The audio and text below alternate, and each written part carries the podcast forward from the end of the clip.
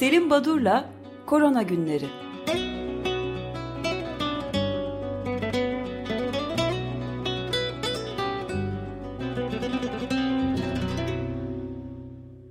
Günaydın Selim Badur, merhabalar.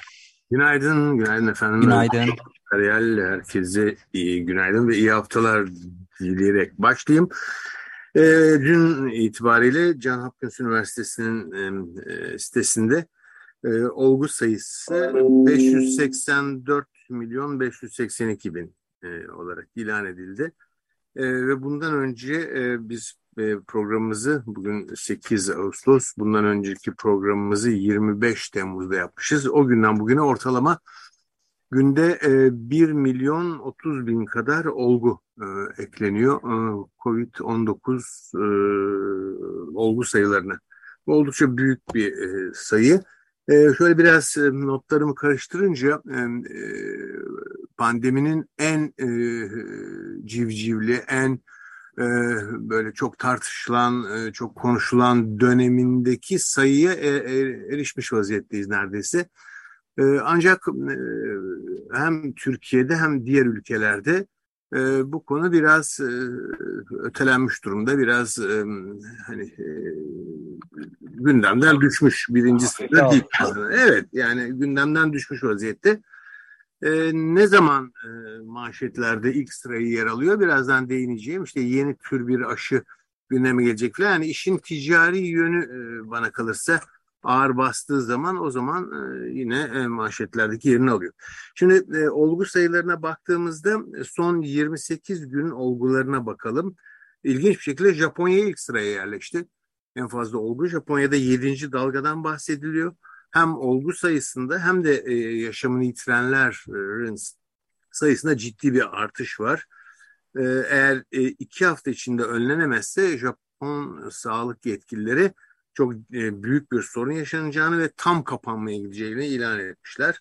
E, Japonya'da e, son 28 günde 4,5 milyon olgu saptanmış.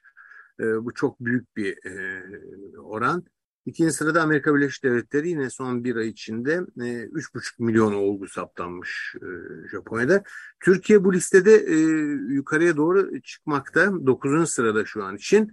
E, son bir ay içinde 1,2 milyon olgu e, son 28 günde saptanmış. Bu arada alınan katı önlemlerin e, çok eleştirildiği, antidemokratik bulunduğu Çin'de işte milyonlarla ifade ediliyor. Demin örneklerini verdim Japonya, Amerika Birleşik Devletleri gibi. Çin'de 130 e, bin olgu var son 28 e, günde. Başka ülkelerden de birkaç örnek vermek istiyorum. Bir tanesi Hindistan. %12'lik bir artış var. Son 6 ayın en yüksek sayısı. Özellikle pozitiflik oranı da %5'ten %12'ye çıkmış vaziyette Hindistan'da. Afrika'dan çok çarpıcı bir sayısal değer geldi. Dünya Sağlık Örgütü Ofisi, Afrika Ofisi e, son iki haftadır e, Afrika'daki olgularındaki artışı yüzde 87 olarak bildirdi. Şimdi e, çok çarpıcı ve ürkütücü artışlar oluyor bazı coğrafyalarda ama unutmayalım örneğin Afrika'da yüzde 87'lik bir artış oluyor. Türkiye'de işte ve ciddi artış var diyoruz. Ama test sayıları o kadar az ki ee, bunu dikkate aldığımızda demek ki gerçek olgu sayıları e, bunun çok daha üstünde olması lazım. Bunu da unutmamak lazım. Önemli bir, bir de mesela e, Selim Bey Ukrayna'dan mesela bir veri var mı? Ee, Savaş koşullarında yani nedir? Çok, çok kısıtlı veriler. Evet. Yani inandım, bir de böyle sorunlar var. Yani Filistin tabii, tabii. de öyle olsa evet, gerek. Elbette, elbette. Tabii, tabii. Yani e, bu test yapmadığınız zaman bulamazsınız tabii. Bu da bir politik olabilir e, Özdeş. Yani test yapmayıp ülkenizde e, e, COVID ya da başka enfeksiyon hastalıklarının e, çok yüksek olmadığını ilan edebilirsiniz. Farklı etkileri var tabii COVID'in ve farklı çalışmalar geliyor. Aşılar konusuna birazdan değineceğim çünkü FDA kısa süre önce geçtiğimiz hafta bu BA omikronun yeni alt varyantları olan BA4 ve 5'i içeren yeni bir tür e, aşının e, kullanımına onay verdi. Ama bu onay sırasında olup bitenlere ait bir iki noktaya değinmek istiyorum. Ama oraya gelirken e, iki üç çalışma var önemli. Bunlardan bir tanesi e, Yan Yu Lai ve arkadaşlarının e, çalışmaları nefes alıp verirken biz genellikle solunum yolu enfeksiyonlarını işte öksürürken, aksırırken, hapşırırken etrafa yayıldığını kabul ederiz. Genelde bu yoldan e, virüsün e, çevreye ve etraftaki kişilere yayıldığını kabul ederiz. Sadece nefes alıp verme sırasında da e, SARS-CoV-2'nin yani COVID-19 etkeninin e, yayıldığını RNA, DNA düzeyinde gösterdiler. E, bu ilginç bir nokta. Yani sizin hapşırıp e, aksırmanıza gerek yok. Nefes alsanız da eğer virüs taşıyorsanız etrafa yayıyorsunuz. Bu önemli bir bulguydu. İkincisi e, aşılar konusunda hani aşılar ne kadar koruyucu e, en azından hastalığı daha hafif geçirmemizi engelliyorlar ama virüsü etrafa yaymamızı engellemiyorlar e, ve çeşitli eleştiriler var. E, aşıların etkinliği hangisi olursa olsun bir süre sonra azalıyor, kayboluyor.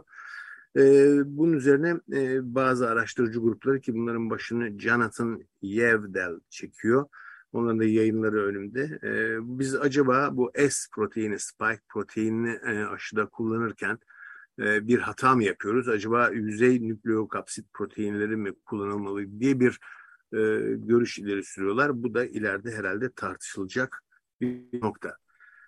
Şimdi önemli bazı gelişmeler büyük ihtimalle önümüzdeki günlerde daha çok konuşacak olduğumuz long covid dediğimiz bu uzun vadede covid'in nelere yol açtığı ya da ne tür bir sorunlar yarattığı ile ilgili ama biz daha önce buraya değineceğim daha önce e, şöyle bir e, e, bilgiyi paylaşmıştık dinleyicilerimizle. İşte COVID'in örneğin Afrika'da çocukluk çağı aşıların uygulanmasında düşüşe yol açtığı ya da tüberküloz, kanser ya da HIV, HIV virüsünün hastalarının takibinin, tedavisinin, testinin azalmasına yol açtığını söylüyorduk. İlginç bir çalışma Brezilya'dan geldi. Bu çok unuttuğumuz bir hastalıkla ilgili lepra ya da cüzzam. E, Brezilya'da e, 2020 e, yılında e, lepra ve cüzzam e, olgularının e, bildiriminde yüzde 41.4 oranında azalma olmuş. E, Silva da Paz ve arkadaşlarının Lancet Regional Health e, dergisinde yayınladıkları bir çalışma.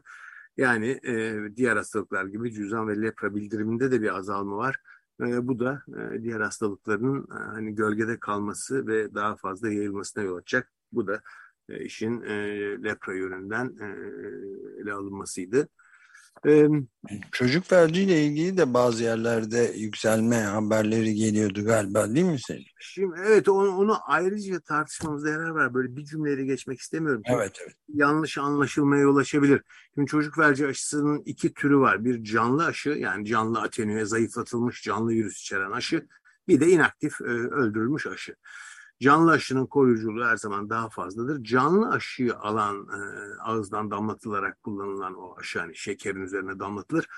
E, o aşıyı kullanan ülkelerde bu e, aşı virüsü yani zayıflatılmış polioya, e, çocuk felcine yol açmayacak olan virüsün e, bir kere e, e, özellikle kanalizasyonlardan yani dışkıyla atıldığı için aşılananların e, çıkartıları e, kanalizasyona karışıyor ve bir kentte, bir e, şehirde e, kanalizasyon ve atık sularının polio yönünden, çocuk felci yönünden o etken virüs üzerinden araştırılması ile biz e, o bölgede çocuk felcinin e, ya da e, aşılananların durumunu e, izleyebiliriz. Böyle bir atık sularla izleme var. Şimdi e bildirilen İngiltere'den bildirildi e, ve birkaç e, Afrika ülkesinden bu e, aşı virüsü, aşı suçu ile e, olgular bildirdi. Bunlar gerçek çocuk felci değil ama zayıflatılmış çocuk felci aşısı virüsünün yol açtığı sorunlar. Bunun üzerine gidilmesi lazım. Çünkü bu atık suları ilginç bir konu. Sadece çocuk felci değil buna gerçekten değinmekte yarar var ama e, ben bilmiyorum doğrusunu isterseniz kanalizasyon suyunda varyantların yani COVID-19'un tespiti e, bu konuda e, birçok çalışma vardı pandeminin başından beri e, çeşitli gelişmiş ülkelerde. Ee, dediğim gibi ben bilmiyorum gerçekten ama Tarım ve Orman Bakanlığı ülkemizde de atık sularda SARS-CoV-2 ölçümleri yapıyormuş ve bunu düzenli olarak yayınlıyorlar. Ee, örneğin e, Mayıs ayında İstanbul ve Bursa'nın atık sularındaki virüs yoğunluğu yani SARS-CoV-2 e, virüsünün yoğunluğu oldukça yüksek görünüyor gibi bir, bir takım raporlardan çıkartlar var. Bu e, önemli bir nokta ama Türkiye'de bunun sistematik, e, sistematik olarak yapılması önemli bir gelişme. Şimdi e, haberlere baktığımızda e, özellikle bu Rapeldos konusunda biraz önce değindim. E, geçtiğimiz hafta FDA açıkladı Amerika Birleşik Devletleri'nde Eylül ayında BA4 ve BA5 bunlar omikronun alt varyantları. E, buna karşı geliştirilmiş olan aşılar devreye sokulacak. E, 66 milyon e, doz aşı Moderna'dan 105 milyon e, doz aşı da Pfizer-BioNTech ürünlerinde yani mRNA aşıları için yeni bir e, alan e, yaratılmış oldu. Toplam ikisine de e, şimdi bakıyorum 4-5 5 küsur milyar dolar e, para ödüyor Amerika Birleşik Devletleri. E, büyük bir olasılıkla bir süre sonra e, bu aşılar, bu yeni varyant aşıları devreye girdikten sonra e, dünyanın farklı kesimlerinde Amerika bunu devreye soktu. Biz niye sokmadık e, sesleri yükselecek. İyi de bu aşılara e, gerçekten ihtiyaç var mı? Bu tartışılıyor. Bu benim kendi şahsi görüşüm değil. İlginç bir rapor var. FDA'in bu onay mekanizması sırasında e, aşılar devreye girsin ve kullanılsın e, oylaması ikiye karşı 19 oy ile e, kabul edilmiş. İki red oyu veren bu varyant aşıları gereksizdir diyen iki kişi var. Biri Henry Bernstein isimli bir e, araştırıcı. Diğeri Paul Offit. E, bu Paul Offit e, Dünya Sağlık Örgütü e, pardon aşılar konusunda yani dünyanın e, aşı konusunda en önemli birkaç isminden biridir. E, acaba e, gerçekten bu varyantlara ihtiyaç var mı diyor. Bu konuda e, ilginç bir yaklaşımı da e, sizin de e, bir nedenle o neden de işte aşılarda e, patent konusundaki yaklaşımını e, desteklediğiniz, desteklediğimiz e, kişilerden geldi. Pitrotez'den geldi. Pitrotez'de e, kendisi de bu varyant aşısının e, hani kullanıma sokulmasının bir fantazi olduğunu söylüyor e, çalışmalarında. E, büyük olasılıkla e, aşı firmalarının e, desteklediği çalışmalar bu yeni varyant aşısının ne kadar gerekli olduğunu, elzem olduğunu e, gösterecek çalışma sonuçları yayınlanacaktır bol miktarda ve biraz böyle aykırı e, konuya bakan, yaklaşan kişilerin sesleri bastırılacaktır. Ama gerçekten bilimsel çalışmalarda e, biz biliyoruz ki omikron varyantı çıktığında e, bundan önce yapılan bilinen e, ilk jenerasyon aşıların etkisi çok fazla görülmüyordu. E, omikrona karşı aşılanan kişilerde antikor çok oluşmuyordu. İlginç birinci ve ikinci dozlarda oluşmuyordu. Üçüncü dozda birdenbire fırlıyordu bu omikrona karşı antikorlar. Yani immünolojik olarak temel immünoloji olarak bunu açıklamak pek mümkün değil. Nasıl oluyor da birinci ve ikinci dozda omikrona karşı antikor yok iken Üçüncü dozla birlikte e, e, omikron antikorları da oluşuyor. E, bunu B ve T lenfositlerinin davranış biçimleri açısından e, pek açıklamak e, e şu andaki bilgilerimizde pek olası değil. Peki ee, ben bir de şey söyleyeyim mi arada girerek? Yani Peter Otes gibi bu konularda e, uzmanlığı bilinen, iyi bilinen kişilerin itirazlarına rağmen bu böyle bir konuda tartışma pek göre göremiyoruz. Böyle böyle bir değerlendirme yapmak mümkün mü? Bilmiyorum e, yani onu zaman gösterecek herhalde yani Pete Ama oyunda bir tartışma gö gözükmüyor yani. Hayır 19'a 2 e, FDA'den onay almışlar. Evet. Yani. Sokuyor parasını da vermişler e, ya da veriyorlar bilmiyorum taksitle mi alıyorlar ama. Tartışmasız bir şey hemen karar verilmiş yani. Tabii tabii tabii ama bu böyle olur zaten genellikle. Hani ben çok şaşırmadım. Siz de şaşırmıyorsunuz da böyle tahrik edici sorular soruyorsunuz. Şimdi e, bir de Novavax aşısı var. Bu daha klasik bir aşı. mRNA aşısı değil. E, protein subunit aşısı.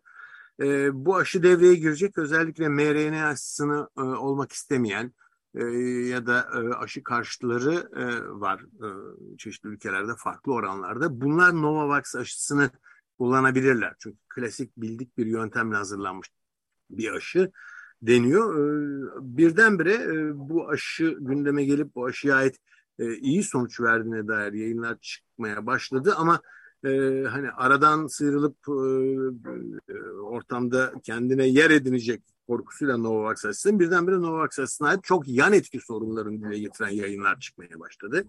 E, ama bir yandan da bazı e, uzmanlar acaba e, booster doz yani rapel doz hatırlatma dozu olarak biz e, Novavax aşısını mı e, kullanalım sorusunu gündeme getiriyorlar. E, Birçok çalışma var işte bu e, BA alt varyantlarının e, bunların e, ne kadar korunduğu, ne kadar korumadığı, bunlara gerçekten aşıyla ilgili, bunlara özel aşının gerekli, gerekli olup olmadığı konusunda buna herhalde önümüzdeki günlerde daha çok tartışıldığını göreceğiz. Şimdi bu reenfeksiyonlar yani e, tabii bu yeni aşılar yani varyant aşılarının e, etkisini e, zaman içinde ve gerçek dünya verileriyle daha iyi anlayacağız. Çünkü her ne kadar yapılan çalışmalarda omikron varyantına karşı e, spesifik antikorlar klasik bildik aşılarla, uygulanan aşılarla elde edilemiyor dense de e, omikron enfeksiyonlarına da karşı bir miktar koruyabiliyor. Kısaca şunu söylemek istiyorum. Bir aşının etkisi sizi hastalıktan ne kadar koruyup korumadığınızla ilgili olarak değerlendirilmeli. Bu da zaman içinde gerçek hayat verilerinde aşılananların işte enfekte olma sayısı azalıyor. Yoksa laboratuvarda antikorların düzeyine bakarak, antikorların işte e, spesifik olup olmadığına bakarak değerlendirirseniz e, biraz yanıltıcı e, olabiliyor. Gerçek hayat verileriyle tam uyuşmuyor bu e, in vitro yapılan e, yani laboratuvar koşullarında yapılan antikor çalışmaları. Bunu bir kenara bırakayım. Önümüzdeki günler gösterecek nasıl tartışacağımızı. Ama e, e, özellikle e, bu e, long covid denilen e, covid ile ilgili e, bir takım yeni bulgular var. E, bunu değerlendirmek yarar var. Bir kere çok çarpıcı olan e, bir e, bilgi e, covid geçirmenin genelde e, ö, hani e, ömrümüze ömür katar derler ama bu öyle olmuyormuş e, ağır COVID geçirenlerin ömründen neredeyse 20 yıl eksiliyormuş. Bu şimdi çarpıcı ve iddialı bir görüş böyle bir başlık. 20 yıl mı? Evet 20 yıl eksiliyor. Yani e, damarlarda yaptığı hasar, oksijen yetersizliği, beyne yeterince enfeksiyon sırasında kan gitmeme gibi e, bir takım gelişmelere ya da olaylara bağlı olarak 20 yıl e, sizi yaşlandırıyor ya da 20 yıl sizi e, ömrünüzden alıyor gibi bir e, iddia var. Bu tabii çok e, çarpıcı ve çok e, hani, iddialı bir e, görüş. Ama e, birçok konuda e, uz, e, COVID e, geçirenlerdeki e, yeni bulgular özellikle long COVID'de ortaya çıkıyor. Örneğin psikiyatrik bir takım bozukluklar e, bunu biliyorduk. Bu e, frog e, brain dedikleri hani kurbağa e, gibi bir şey e, beyin e, etkilenmesinden bahsediyordu ama yeni e, bulgular long covid semptomları arasında saç dökülmesini, libido azalmasını e, da saymaya başladılar. Buna ait çalışmalar var. Aynı zamanda COVID-19 aşısının bu long COVID'in değil, bunu da araya sıkıştırayım. Kadınlarda menstruasyon dönemini, tarihini alt üst ettiği e, ve, ve ciddi bir şekilde bu reg dönemlerinde düzensizliğe yol açtığı COVID-19 aşılarının e, bir çalışmayla gösterildi. Bu da e, bir kenarda dursun e, diye söylemekte yarar var.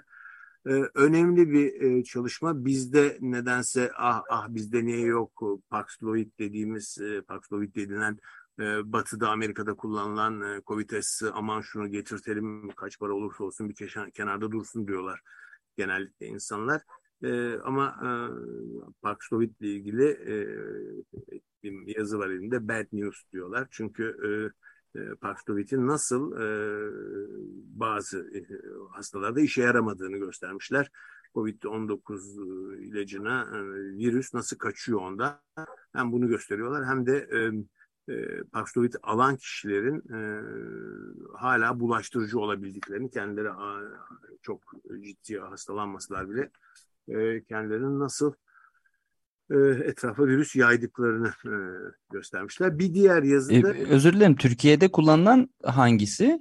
Türkiye'nin de yurt dışından getirdiği e, ve Mankavir gibi bir takım ilaçlar kullanılıyor ki yani o ilaçlarla da doğrusu isterseniz şu anda klinisyenler e, iyi sonuç aldıklarını söylüyorlar.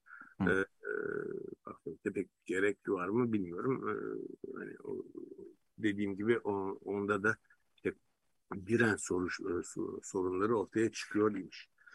Bir haber New York Times'tan çıkan bazı zengin insanların hani kalori hesaplar gibi her gün antikor titrelerini hesapladıkları bu bir moda haline gelmiş. Pardon. Cep telefonundan ölçülebiliyor muymuş? Oraya o daha gelmedi. İnşallah yakında o da devreye girecektir bu teknolojinin sağladığı olanaklarla. 24 saatte bir antikor testi yaptıranlar işte aynı kalorilerini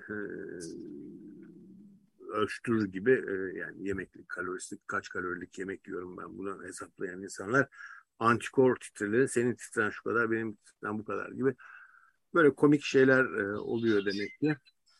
Daha çok trajikomik diyebiliriz. E, tabii elbette tabii, tabii. Normal yani bu çok da şaşırmıyorum bu konuda yani sizin de şaşırmadığınızdan eminim. Bu arada vitamin D e, kullanımı COVID'de çok gündeme gelmişti ama özellikle bu kemik erimesi, kemiklerin kırılması işte yaşlılarda osteoporozla ilgili olarak önemli olan, gündemde olan bir vitamindi. Bunu araya sıkıştırayım. İlginç ve çok büyük bir çalışma. Mary LeBoff ve arkadaşları New England'da yayınladılar. New England Journal of Medicine'de. Büyük bir seri. 25.871 gönüllü 5,5 yıl süreyle e, izlenmiş ve sonuç çok ilginç. Sonuç e, vitamin D e, ilavesinin e, kullanımının e, bu kemik e, yoğunluğu, osteoporoz ve e, kemik kırılmalarına falan hiçbir etkisi olmadığını ortaya koymuş bir çalışma. Bu da e, kenarda dursun böyle bir çalışma var. E, şimdi aşılar konusunda e, konuya biraz daha bilimsel yaklaşmaya çalışan ekipler Özellikle bu yeni aşıların e, aynı tekniği yani mRNA teknolojisini kullanarak biz e, her çıkan varyanta karşı yeni bir aşı e, ürettik diye ortaya çıkarsanız ve bunu da FDA'den geçirirseniz bu moda olacak. Bunun sonu gelmez. Bu böyle şey olmaz. Daha e, etkili aşılar bulalım e, diyorlar ve özellikle nazal kullanılan yani burundan sprey şeklinde kullanılan aşılar konusunda çok fazla e, çalışma e, yapılmaya başlandı e, büyük aşı üreticilerinin elinde olmadığı için e, bu yaklaşım belki e, geniş kitlelere çok ulaşmıyor bu yayınlar ya da yayınların sonuçları.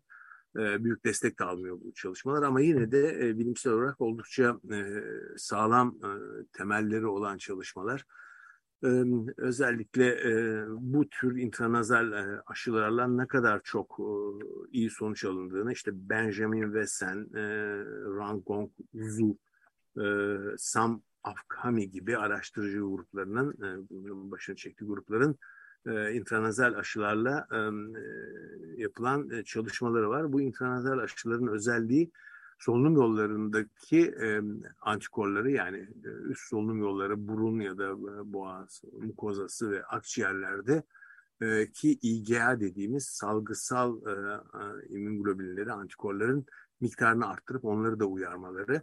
E, hep biz IgG, IgM falan diye konuşuyorduk ama bir de bunların IgA dediğimiz salgısal yani e, mukoza üzerindeki salgılarda bulunan antikorlar var işte solunum yolu enfeksiyonlarından grip olsun, covid olsun bizi koruyacak olan antikorlar bunlar aslında. Bunları e, enjeksiyon şeklinde kas içine verilen e, şu anda kullandığımız aşılarla e, uyarmak ve bu antikorların sayısını arttırmak pek mümkün olmadı. Olması da oldukça güç ama burundan verilecek, mukozaya verilecek aşıların e, çok daha sağlam e, olduğunu biliyoruz. Bu konuda da çalışmalar sürüyor. Tabii bu ticari boyutta üretilip de e, devreye girer mi? Onu e, ben değil e, ilaç sektörü belirleyecektir. Peki ben bir de şeyi sormak istiyordum. Yani şimdi bu her gün bir milyona yakın vaka olduğunu söylediniz yanlış bilmedim. Evet. Değil mi? Evet. E, ve bir de aynı zamanda bu işte long covid uzayan covid diye mi çevireceğiz? Onun da işte toplamda yani 40 20 e, yıl e, ömründen götürebileceği bir durumdan da bahsettik. Son derece ciddi şeyler bunlar. Saatte 42 bine yakın vakadan bahsediyoruz. Buna karşılık peki başta Afrika olmak üzere dünyanın diğer yoksul güney diye adlandırılan kesimlerine aşı ulaştırılabiliyor mu? O, o konuda muazzam bir eksiklik vardı ve eleştiriliyordu. Ne oldu? Bir gelişme oldu mu? Tabii ki olmadı. Yani e, şu anda e, a, gelişmekte olan ülkelerde tek doz, yani artık çok e, bir işe yaramadığını bildiğimiz uygulama türü tek doz ile aşılananların oranı yüzde 20.2. Yani e, bunu da eğer saymazsanız yüzde sıfır gibi bir şey. E, Afrika'daki aşılama oranları oldukça düşük. Muazzam bir felaket aslında bu Tabii. da insanlık adına da yani. Belki bitirirken iki tane de e, magazin haberi vereyim. Bir tanesi e, 56 yaşındaki Thomas Connolly. E, 37 ay, e, hapis ve 3 yılda hapisten çıkınca gözetim altına alındı. Neden? Çünkü Doktor Fauci'yi mailleriyle e, taciz edip tehdit etmesi, ailesi kendisini ölümle tehdit etmesi. E, bizde böyle olmuyor. Biz daha demokratik bir ülkeyiz herhalde ama Amerika'da Doktor Fauci'yi e, tehdit edenler, maillerle tehdit edenler öyle e, evinin kenarına ya da ofisinin kenarına dana dili falan kesip bırakma olmamış ama sadece mail attığı için tehditlerden ötürü e, bu kadar ciddi bir e, hapis ve gözetim altında tutulmaya mahkum edilmiş. Bir diğer haberde COVID'in lengüstik alanındaki katkıları Fransa'dan bu çalışma ya da bu haber Fransız diline kazandırdıkları şimdi 2019'dan itibaren Larus ve Robert ya da Petit Robert sözlüklerine giren 514 kelime varmış yeni kelime. Bu 514 yeni kelimenin %20'den fazlası Covid ile ilintili kelimeler türetilen bir takım kelimeler işte asemptomatik, PCR, RO değeri gibi artık bunlar sözcüklerde de sık kullanılıyor ama bunun dışında dekonfine, antivax, vaksinodrom, eküvyone, burundan eküvyon ile e, muayene maddesi alma e, burundan ya da boğazdan o eküvyonla alındığı için ona da eküvyone e, gibi deyimler kullanılıyor. Bir de e, sizleri de çok ilgilendireceğini düşünüyorum e, ısı artışları ve iklim krizle ilgili e, terminolojide e, e, yararlanılan bir takım kelimeler de bunlar da girmeye başlamış sözlüklere. Eko anksiyete, biobank, dekarbonizasyon, ekogard, klima, klimato hipokrit. Bu da herhalde e, iklim krizinden e, reddedenlerin e, yatsıyanlara ait bir hipokrit kelimesini kullanmışlar. Klimato hipokrit.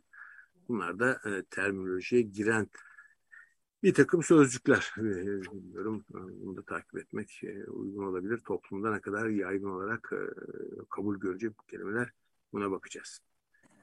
Ben burada durayım isterseniz.